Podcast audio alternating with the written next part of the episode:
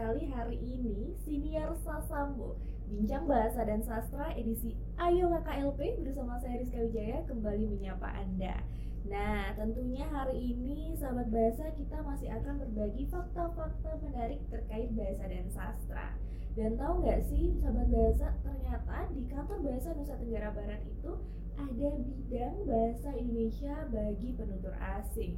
Wah, pasti penasaran kan untuk siapa nih pengajar-pengajarnya diarahkan nantinya dan bagaimana peran bahasa Indonesia bagi penutur asing di tengah masyarakat. Oleh karena itu hari ini kita sudah kedatangan seorang narasumber ada Bapak Zamzam Hariro, beliau merupakan penerjemah dari kantor bahasa Provinsi Nusa Tenggara Barat. Kita sama terlebih dahulu. Halo Pak Zam, apa kabarnya hari ini? Alhamdulillah baik, sehat. Terima kasih. Alhamdulillah. Pak Zam, kalau kita berbicara tentang BIPA bahasa Indonesia bagi penutur asing nih Pak Zam. Ya. Nampaknya masih banyak mungkin sahabat bahasa yang belum tahu terkait BIPA ini sendiri. Kalau Pak Zam boleh ceritakan nih awal mula keberadaan BIPA di Badan Pengembangan dan Pembinaan Bahasa ini seperti apa sih Pak Zam? Ya, uh, sebenarnya pengajaran bahasa Indonesia bagi penutur asing atau BIPA sekarang uh, sudah lama uh, dilakukan atau sudah lama uh, ada di Indonesia. Hanya saja mungkin masih sifatnya tidak formal. Ada banyak orang mengajar uh, secara pribadi atau privat ya. Ada juga yang uh, secara uh, semi formal mungkin di lembaga-lembaga, tetapi belum ada uh, semacam wadah untuk mereka. Baru di tahun kalau tidak salah ini ya, di tahun 1998 Badan Bahasa mengakomodi akomodasi uh, kebutuhan itu. Jadi Badan Bahasa membuka atau membuat sebuah lembaga bukan lembaga ya, semacam wadah untuk para penggiat pengajar BIPA yang diharapkan mampu menampung aspirasi para pengajar uh, dan pegiat BIPA yang ingin uh, meningkatkan kemampuan dan kompetensi mereka dalam mengajar bahasa Indonesia untuk orang asing. Jadi selain itu diharapkan juga uh, para pengajar dan pegiat BIPA ini bisa lebih profesional dalam mengajar BIPA sehingga tentu saja yang diharapkan adalah menghasilkan siswa-siswa asing yang mencintai dan mampu uh, berbahasa Indonesia uh, yang baik dan benar tentu saja. Hmm, baik, kalau berbicara tentang MIPA, pasti hmm. ada penuturnya dan ada yang mengajarkan bahasa Indonesia bagi penutur asing ini. Nah, untuk menjadi seorang pengajar BIPA nih Pak, yang mungkin nanti ditempatkan di suatu negara tertentu, hmm. apakah ada cara-cara yang harus kita ikuti atau lakukan terlebih hmm. dahulu nih Pak Zam? Ya, uh, sebenarnya semua kita punya potensi ya. Semua orang Indonesia punya potensi menjadi pengajar BIPA karena punya kemampuan berbahasa Indonesia ya. Tetapi ini juga menjadi hal yang sangat uh, apa namanya penting untuk dipahami oleh semua kita. Untuk menjadi pengajar BIPA itu tentu tidak sekedar bisa berbahasa Indonesia. Karena bisa saja belum tentu uh, berbicara dengan baik kan. Kita harus uh, meningkatkan kemampuan berbahasa Indonesia kita dulu. Uh, banyak orang Indonesia yang bisa berbahasa Indonesia tapi belum um, bisa belum mampu berbahasa Indonesia dengan baik dan benar ketika kita ingin menjadi pengajar BIPA kita harus uh, meningkatkan dulu kemampuan berkomunikasi kita dalam bahasa Indonesia yang baik dan benar kemampuan komunikasi ini penting karena pembelajar BIPA yang uh, belajar bahasa Indonesia sebenarnya yang dia inginkan adalah mampu berbicara dulu, mampu berkomunikasi dalam bahasa Indonesia. Pada tataran level pemula yang kita lakukan sebenarnya membuat mereka mampu berbahasa atau berbicara bahasa Indonesia. Jadi bukan mengajarkan tata bahasa pada awal-awalnya, bukan juga mengajarkan budaya pada awal-awalnya. Bagaimana mereka mampu bertahan hidup di Indonesia dengan menggunakan bahasa seadanya ya. Itu yang kita akan ajarkan di awal-awal. Nah selain itu setelah itu tentunya berkembang. Ketika sudah mulai levelnya lebih atas atau lebih tinggi kita bisa menambahkan eh, konten-konten uh, yang menambah wawasan para pembelajar BIPA ini terkait bahasa, budaya, dan sastra Indonesia. Uh, pemberian konten budaya itu harus hati-hati karena uh, kita punya budaya yang sangat beragam. Nah, mereka harus dipahamkan dulu bahwa di Indonesia memiliki uh, ribuan etnis dan ketika mereka mau belajar belajar bahasa Indonesia di tempat belajar itu mereka harus memahami bahwa ada budaya yang berkembang di situ yang memengaruhi penggunaan bahasa Indonesia berbeda di suatu tempat dengan tempat lain. Misalnya katakanlah di Jawa ya. Di Jawa orang akan uh, cenderung mengatakan mas mbak untuk siapa saja? Walaupun itu uh, orang asing mungkin. Nah itu juga harus dipahami. Ketika belajar di NTB di Lombok mungkin mereka akan berbeda mendapatkan panggilan atau uh, teguran. Nah, itu juga perlu dipahami oleh pengajar BIPA. Jadi selain kemampuan berbahasa, kemampuan uh, memahami bagaimana bahasa Indonesia itu dan budaya bahasa, budaya Indonesia itu dikenalkan dalam kelas bahasa itu. Wah, hmm. benar banget tuh Pak Zam hmm. karena ada juga yang mengatakan kalau belajar bahasa sama juga dengan artinya belajar budaya ya, di suatu betul. tempat tertentu. Hmm. Nah, Pak Zam, selama melakukan pelatihan BIPA mungkin bagi penutur asing hmm. yang berasal dari berbagai negara, apa nih kesulitan yang Pak Zam rasakan pada saat memberikan pengajaran bahasa Indonesia kepada mereka yang paling susah atau kendala yang paling dirasa sulit untuk diatasi pada saat mengajar, Pak Zam? Um, tentu saja yang pertama itu yang paling sulit kita uh, apa namanya yang saya alami ya. Yang saya alami adalah ketika pembelajar itu uh, tidak memiliki motivasi. Motivasi belajar bahasa. Nah itu kalau seorang sudah tidak memiliki motivasi sulit untuk diajak uh, untuk belajar Nah, hal-hal seperti itu bisa diatasi dengan mencari uh, ketertarikan mereka terhadap sesuatu yang ada di Indonesia. Biasanya saya seperti itu. Saya akan lupakan dulu bahasa Indonesia itu sementara, tapi akan saya coba kenalkan misalnya nih, misalnya uh, adat Merari katakanlah seperti yang seperti yang ada di uh, uh, suku Sasak di NTB. Ketika mereka tiba-tiba mengetahui kok ada orang uh, suku NTB, eh, suku Sasak itu dilarikan caranya ketika men, men, menikah atau uh, apa uh, proses perkawinan seperti itu, mereka tiba-tiba uh, tertarik ingin tahu kenapa seperti itu gitu. ada juga yang uh, misalnya uh, adat lain misalnya perisian atau uh, di Sumbawa misalnya uh, adat uh, barapan kebo misalnya atau di Bima memakai uh, pakaian yang dari sarung yang saya lupa namanya itu itu kalau kita kenalkan yang sangat berbeda dengan budaya mereka mereka akan tertarik lambat laun mereka ingin tahu dan di situ kita sisipi bahasa Indonesia. Jadi kemampuan kita untuk meningkatkan motivasi mereka agar ingin belajar bahasa Indonesia bisa kita gali lewat hal lain. Kita pancing lah dengan hal lain karena kadang-kadang di luar sana ada orang yang tidak ingin belajar bahasa Indonesia. Tetapi ketika kita kenalkan dengan budaya, mereka tertarik. Atau alat musik misalnya. Alat musik uh, gendang belik, alat musik uh, suling misalnya. Karena itulah makanya uh, pengajar BIPA itu harus multi talenta. Kalau ada pengajar BIPA yang bisa menari, itu sudah merupakan suatu aset yang penting. Banyak di sana uh, mereka tidak ingin belajar bahasa Indonesia, tetapi ketika mereka dikenalkan dengan tarian, mereka berubah menjadi orang yang sangat ingin menari. Mau tidak mau mereka harus belajar bahasa Indonesia untuk mengenal uh, tentang menari kan? Nah di situ peran kita sebagai guru atau pengajar BIPA memasukkan bahasa Indonesia di sana. Jadi uh, yang yang saya alami seperti itu. Sayangnya saya tidak punya banyak talenta ya. Kalau saya baru baru sadar sekarang seharusnya saya belajar banyak uh, kesenian-kesenian. Sehingga ketika saya dikirim ke luar negeri waktu uh, sebagai contoh waktu saya ke Jepang atau ke Thailand misalnya saya bisa mengenalkan hal-hal lain selain bahasa Indonesia. Seperti itu.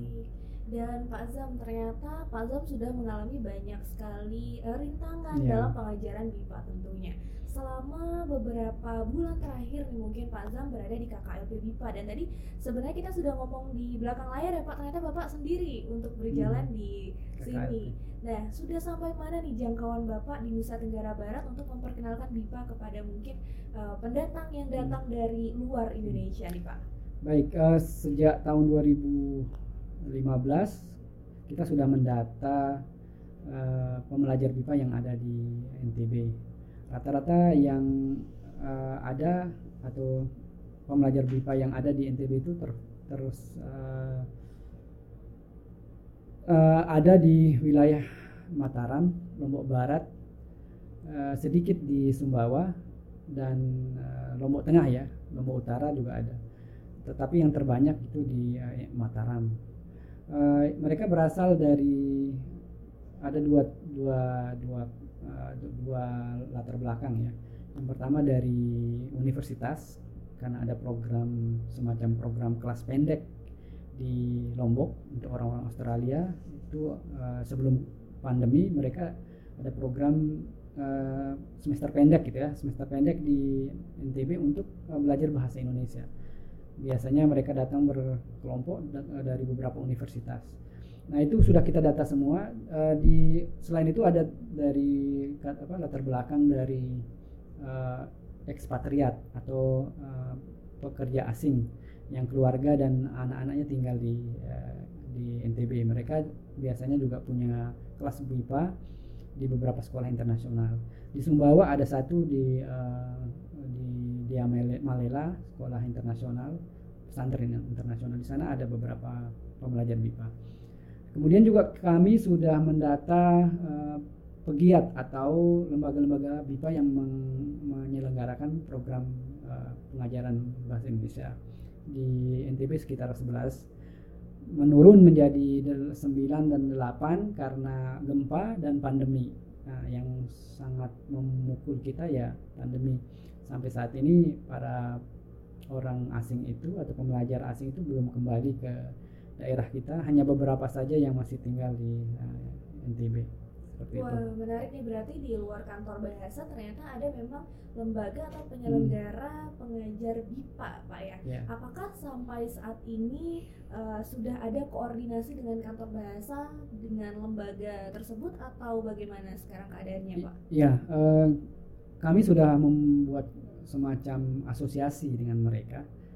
Kita namakan uh, asosiasi pengajar dan pegiat BIPA NTB uh, eh, APP BIPA NTB untuk uh, apa namanya memberikan semacam tempat bagi kami untuk selalu uh, saling ber berinteraksi atau berkomunikasi terkait apa pun juga yang uh, uh, yang mendukung untuk peningkatan kualitas uh, pengajaran maupun kualitas uh, materi pembelajaran BIPA uh, secara intensif sebenarnya kami sudah ber, ber apa, berkomunikasi dengan mereka. Kemarin terakhir kami mengadakan pelatihan untuk para pengajaran penggiat BIPA uh, ada sekitar 40 40 peserta dari seluruh NTB. Baik, jadi ya. bisa dikatakan kalau kantor bahasa Nusa Tenggara Barat hmm. sebenarnya sudah jangkauannya sudah cukup luas hampir di seluruh Nusa hmm. Tenggara Barat dan di Mataram khususnya. Nah, kalau begitu Pak, kalau boleh kilas balik hmm. nih tentang kegiatan-kegiatan Bapak di KLP BIPA, sudah apa saja nih Pak program yang diselenggarakan ataupun mungkin ke depannya akan segera terlaksana dalam waktu dekat? Ya, karena KKLP ini baru baru terbentuk satu tahun lah ya, dan terbentuknya pun setelah pandemi. Tidak banyak yang uh, program yang bisa kami lakukan secara secara uh, formal hanya satu waktu itu yaitu pelatihan pengajaran BIPA itu. Kemudian uh, sebenarnya ada kegiatan satu lagi untuk pembelajar BIPA yaitu lomba lomba kebipaan biasanya di akan dilaksanakan sebelum bulan bahasa sebelum uh, tanggal 17 Agustus yaitu lomba membaca puisi, lomba bercerita dan lomba uh, pidato dalam bahasa Indonesia. Bagi uh, pelajar BIPA. Tahun lalu kami mengadakan dan uh, diikuti oleh sekitar 30 atau 40 siswa BIPA dan alhamdulillah berjalan lancar dan sangat mendapatkan uh, perhatian yang uh, baik oleh kepala badan waktu itu waktu itu Pak Dadang ya Dadang Sumenda karena beliau sendiri mendapat kesempatan untuk memberikan uh, hadiah kepada mereka. Iya. Jadi memang kalau dilihat lagi ke hmm. uh, penutur-penutur asing ini cukup banyak yang tertarik untuk mempelajari bahasa iya. Indonesia yeah. bahkan mungkin di sekolah-sekolahnya secara tidak langsung sudah diperkenalkan ya yeah. Pak ya.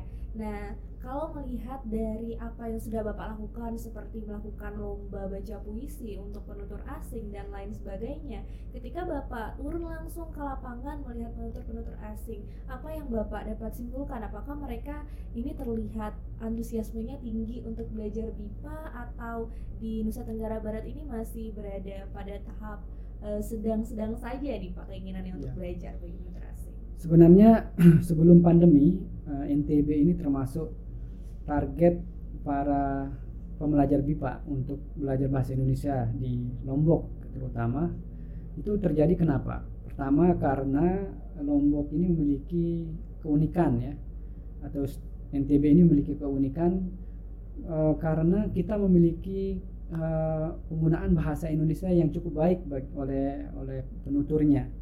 Berbeda di dengan beberapa daerah lain bahasa Indonesia dipakai cenderung sedikit uh, campur ad, campur aduk dengan uh, bahasa daerah. Sehingga agak sulit bagi pembelajar asing untuk belajar bahasa Indonesia. Seperti di Jawa misalnya kalau kita pergi ke Jawa mungkin akan sedikit sekali kita menemukan orang berbahasa Indonesia ya.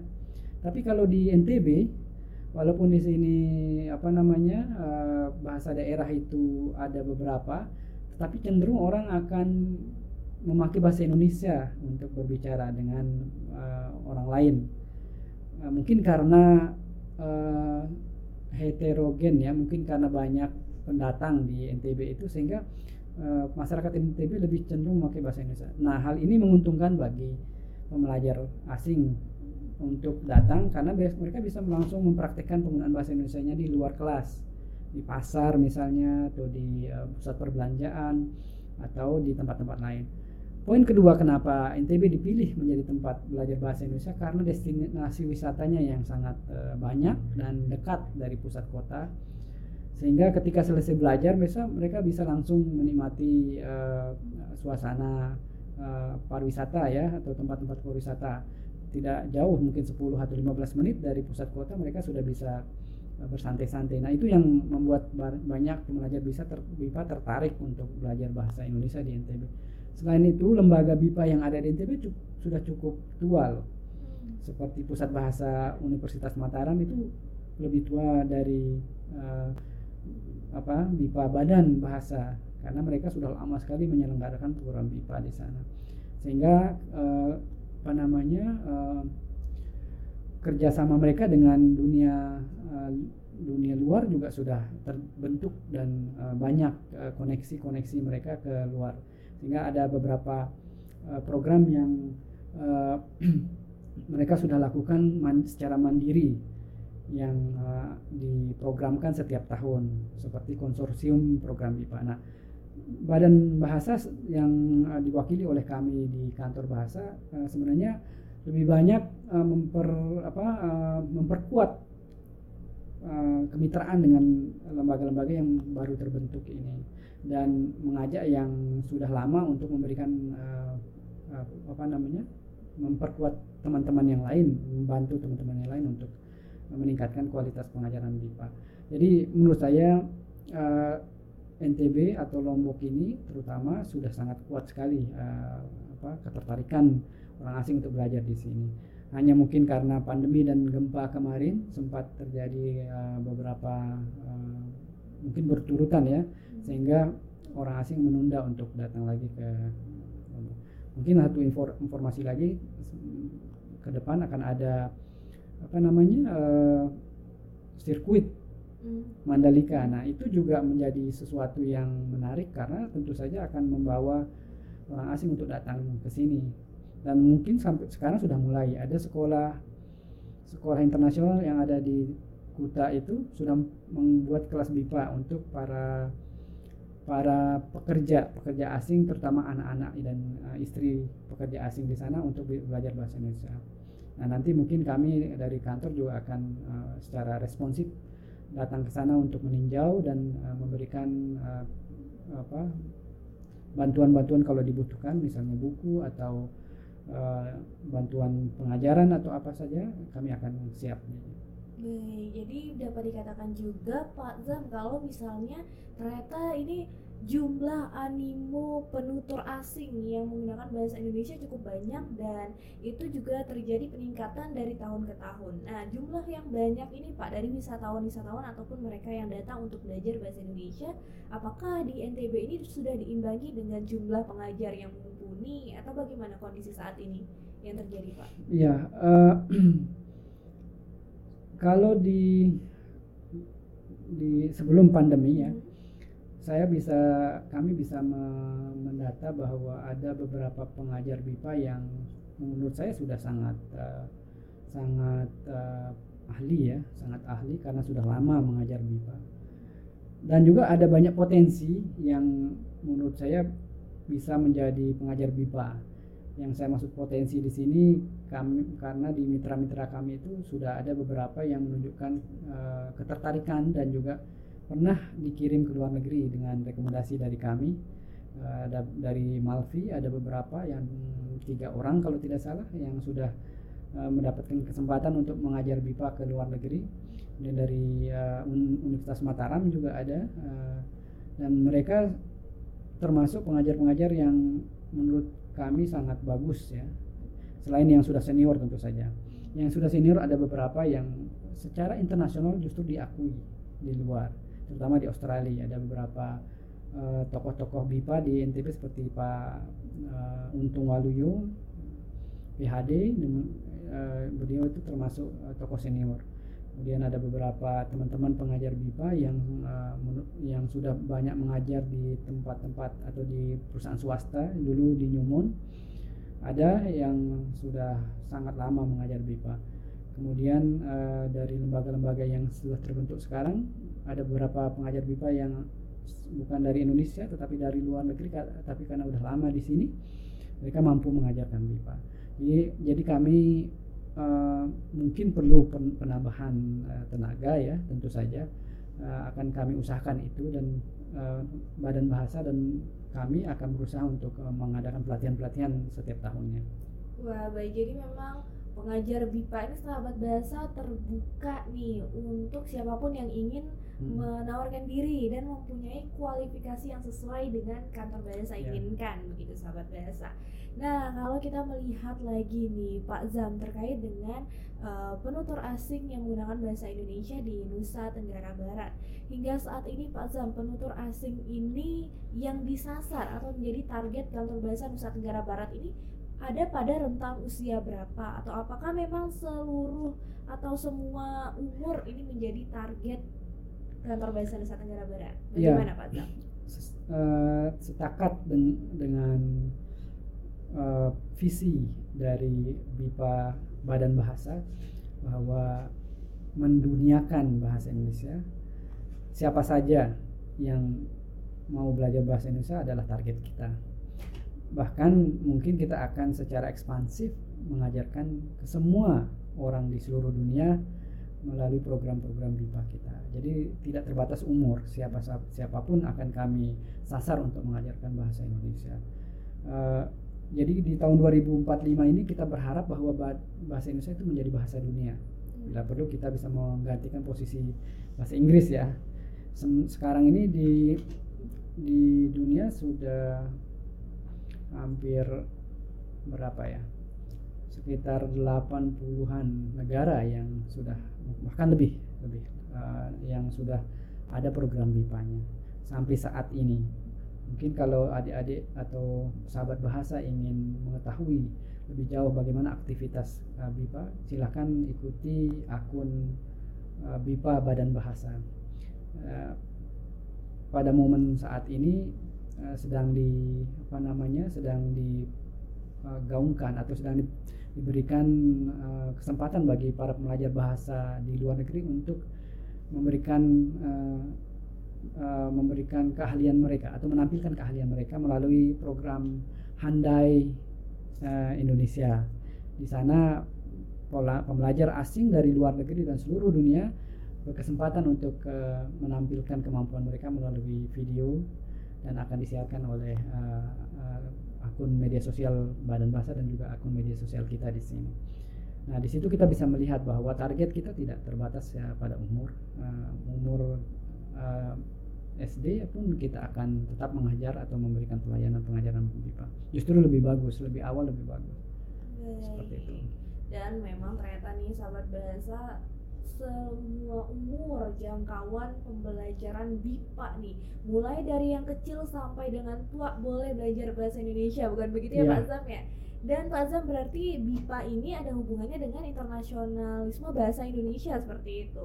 Kalau Pak Zam menilik dengan data-data yang ada atau uh, data yang ada di lapangan yang Pak Zam sudah survei saat ini seberapa besar sih potensi bahasa Indonesia ini nanti jadi bahasa internasional yang hampir sama dengan bahasa Inggris kalau kita tidak berusaha dari sekarang, kalau kita tidak bergerak dari sekarang, ya tentu saja bahasa Indonesia tidak akan dikenal oleh uh, dunia luar ya. Uh, pasti ada tantangan tentu saja, pasti ada yang uh, mengatakan bahwa tidak mungkin, tetapi kami bertekad bahwa peng, pengindonesian, ada penginternasional bahasa Indonesia itu akan dapat dilakukan walaupun membutuhkan waktu tentunya. Target kami di 2045 dan sekarang sudah mulai kita um, setiap tahun itu ratusan pengajar disebar ke seluruh dunia untuk mengajarkan bahasa Indonesia. Dan uh, sampai saat ini walaupun pandemi tetap berjalan melalui uh, program BIPA daring yang diusung oleh Badan Bahasa dan itu tidak berhenti dan kalau adik uh, sahabat bahasa ingin apa namanya mengetahui bagaimana perkembangannya silahkan uh, ikuti akun media sosial Badan Bahasa atau BIPA Badan Bahasa. Di sana kita sudah setiap hari akan menyaksikan keahlian-keahlian orang asing berbahasa Indonesia. Mungkin kita akan kaget atau terkejut ya. Orang dari Rusia uh, orang dari uh, Italia bisa menjadi pewara orang dari kemarin ada kegiatan seminar itu yang menjadi pewara dengan Mas Menteri. Hmm, Mas Menteri yang apa Menteri Pendidikan dan Kebudayaan. Yang menjadi pewaranya adalah uh, siswa BIPA dari Italia dan dari uh, Australia. Bahasa Indonesia mereka sudah sangat bagus sekali. Bukan karena mereka uh, tinggal di Indonesia atau apa tetapi mereka belajar bahasa Indonesia. Itu terbukti bahwa bahasa Indonesia itu bisa dipahami atau dikuasai oleh siapa saja di di uh, luar ya sehingga menurut saya mungkin saja dan sangat mungkin bahasa Indonesia itu akan menjadi bahasa internasional. Selain itu jumlah penduduk kita sangat mendukung. Jumlah penduduk kita kan sudah hampir berapa ya? Saya 400 juta ya. Nah, itu sebuah aset dan mungkin berapa juta orang Indonesia sudah bekerja di luar negeri. Mereka bisa menjadi agen-agen kita untuk mengenalkan bahasa Indonesia. Selain itu juga siswa-siswa atau pembelajar Indonesia yang belajar di luar negeri. Mereka juga bisa kita manfaatkan untuk mengenalkan BIPA. Dan banyak dari mereka juga sekarang menjadi pengajar BIPA. Tidak tidak sesuatu yang tidak uh, mustahil ya untuk dilakukan. Banyak peluang dan banyak cara yang akan dilakukan dan sampai saat ini walaupun pandemi melanda kita kami tetap berjalan dan uh, tetap berekspansi mencari tempat-tempat atau negara-negara yang belum tersentuh bahasa Indonesia untuk kita kenalkan bahasa Indonesia. Karena ini ada efek dominonya. Jadi tidak sekedar kita dapat mengajar bahasa Indonesia, ada kita punya efek uh, ekonomi, efek ekonomi dan efek uh, apa namanya uh, pariwisata. Ketika orang asing ini sudah mengetahui tentang Indonesia melalui pengajaran bahasa Indonesia, banyak dari mereka ingin datang ke Indonesia untuk mengetahui uh, bagaimana kondisi Indonesia itu karena mereka di buku pelajaran atau di materi yang didapatkan mereka ada uh, pagelaran seni, ada eh, tempat-tempat wisata yang mungkin di dunia atau di daerah mereka tidak ada seperti itu seperti misalnya. Jadi mereka ingin tahu. Banyak terjadi ketika saya mengajar di uh, Jepang uh, kembalinya saya dari Jepang seluruh siswa hampir seluruh siswa yang saya ajar waktu itu datang ke Indonesia untuk berkunjung. Dan juga ada beberapa yang belajar di Indonesia di Universitas Indonesia dan ada juga yang bekerja di Indonesia. Nah kalau kita melihat dari uh, secara ekonomi ya saya dikirim ke, ke Jepang itu dengan biaya tentu saya biaya pemerintah uh, sekian. Kembalinya ke Indonesia itu lebih dari 100% 100% 100 kali dari biaya yang dikeluarkan pemerintah ketika mengirim saya ke luar negeri itu karena uh, ada sejumlah siswa datang untuk ke Indonesia itu saja membawa uh, visa untuk negara. Nah kalau kita kalikan dengan uh, yang lain-lain tentu saja akan lebih banyak lagi. Nah, semakin banyak uh, walaupun ini tentu saja perlu diteliti secara ilmiah lagi keuntungan secara ekonomis ini, tetapi secara uh, apa kasat mata saya sudah melihat bahwa memang sangat menguntungkan sekali ketika suatu negara seperti Indonesia ini dikenalkan ke suatu negara tertentu yang belum sama sekali mengetahui tentang Indonesia melalui program BIPA ini uh, akan ada timbal balik. Baik, dan tentunya semangat dari penutur asing yang ingin belajar bahasa Indonesia ini juga menjadi motivasi Bapak untuk terus berjuang yeah. uh, memperkenalkan bahasa Indonesia bagi penutur asing. Terakhir nih Pak, sebelum kita menutup siaran kita pada hari ini, apa sih harapan Bapak untuk keberlangsungan tugas dan fungsi KKLP BIPA khususnya di Nusa Tenggara Barat? Ya, uh, karena saya sendiri di KKLP ini, uh, saya membutuhkan bantuan dan dukungan tentu saja dari semua pihak mungkin dari teman-teman di uh, kantor bahasa in, provinsi NTB tentu saja kami lintas KKLP akan selalu bekerja sama dan juga dari teman-teman duta bahasa yang sebagai mitra utama kita di luar kami berharap nanti mungkin saya tidak tahu mekanismenya tapi akan saya coba untuk uh, mengajak mereka menjadi bagian dari KKLP uh, BIPA. Uh, kita akan melakukan program-program yang uh, apa namanya menjemput bola ya. Jadi kita akan ke daerah ke tempat wisata ke tempat seni budaya dan kita kenalkan dalam bahasa Indonesia dan kita buat channel apa kanal-kanal YouTube atau kanal uh, apa podcast seperti ini siniar sehingga uh, apa pun yang terjadi kita tidak insya Allah kita tidak akan berhenti untuk uh, memperkenalkan BIPA ini. Baik, terima kasih loh Pak Zam karena sudah membagikan informasi dan pengetahuan baru untuk sahabat bahasa. Nah jadi sahabat bahasa dari sini kita tahu ya kalau penutur asing saja mau bersemangat mempelajari bahasa Indonesia dan ini saatnya untuk kita generasi muda mulai belajar bahasa Indonesia yang baik dan benar. Sampai di sini dulu perjumpaan kita dalam Siniar Sasambo edisi kali ini. Siaran ini juga dapat Anda dengarkan melalui Spotify Siniar Sasambo. Baik kalau begitu, saya Rizka Wijaya pamit undur diri. Sampai jumpa. Nah sahabat bahasa, itu tadi tayangan Siniar Sasambo edisi kali ini. Gimana? Seru kan?